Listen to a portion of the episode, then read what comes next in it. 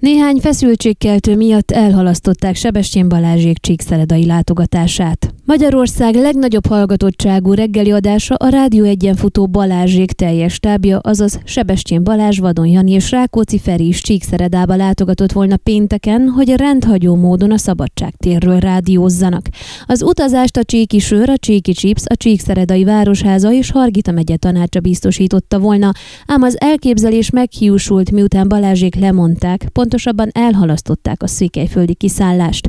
Az előzményekkel kapcsolatosan érdemes tudni, hogy az utazásuk hírére számos rosszindulatú bejegyzés és hozzászólás jelent meg a Facebook közösségi oldalon és egyéb felületeken.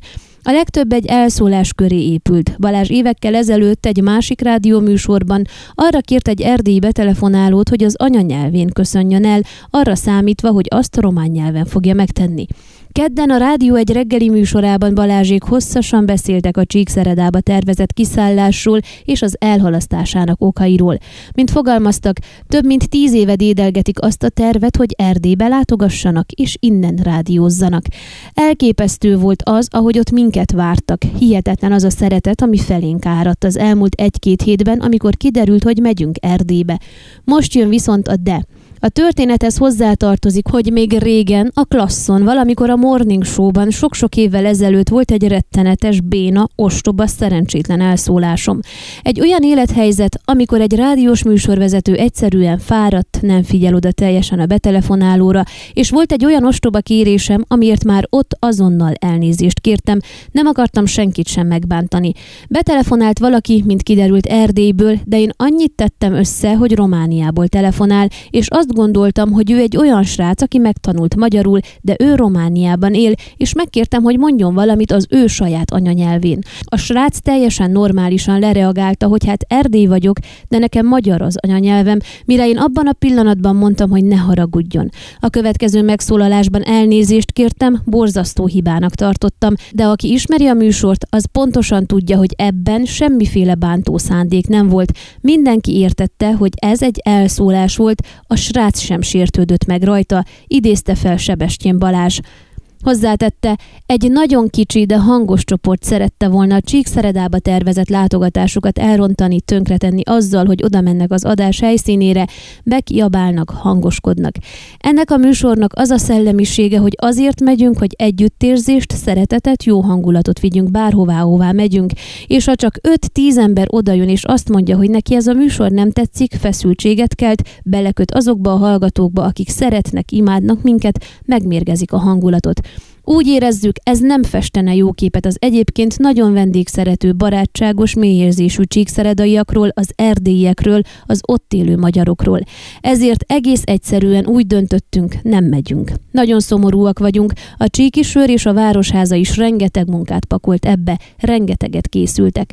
Attól senki sem tud minket elrettenteni, hogy akár magánemberként, akár műsorként elmenjünk Erdélybe. Mi sem szoktunk cserben hagyni senkit, most sem szeretnénk. Tervez tervezzük ezt újra, de a műsor szellemisége nagyon más, és nem hagyjuk. Nem engedjük, hogy bárki egy ilyen hallgatótáborral ellátott műsoron keresztül a saját ideológiáját, eszméjét, haragját úgy használja fel, hogy abból előnyt kovácsoljon, húzták alá. Az esettel kapcsolatosan a Csíkszeredai Városháza is közleményt adott ki. Mint ebben írják, az önkormányzatot nyár elején kereste meg a rádió egy, egy hangulatos reggeli műsor után, amelyben Sebestyén Balázs, Rákóczi Ferenc és Vanon János műsorvezetők arról beszéltek, mondták, hogy szívesen közvetítenének egy adást Székelyföldről, amelyben itteni embereket, helyeket, értékeket mutatnának be.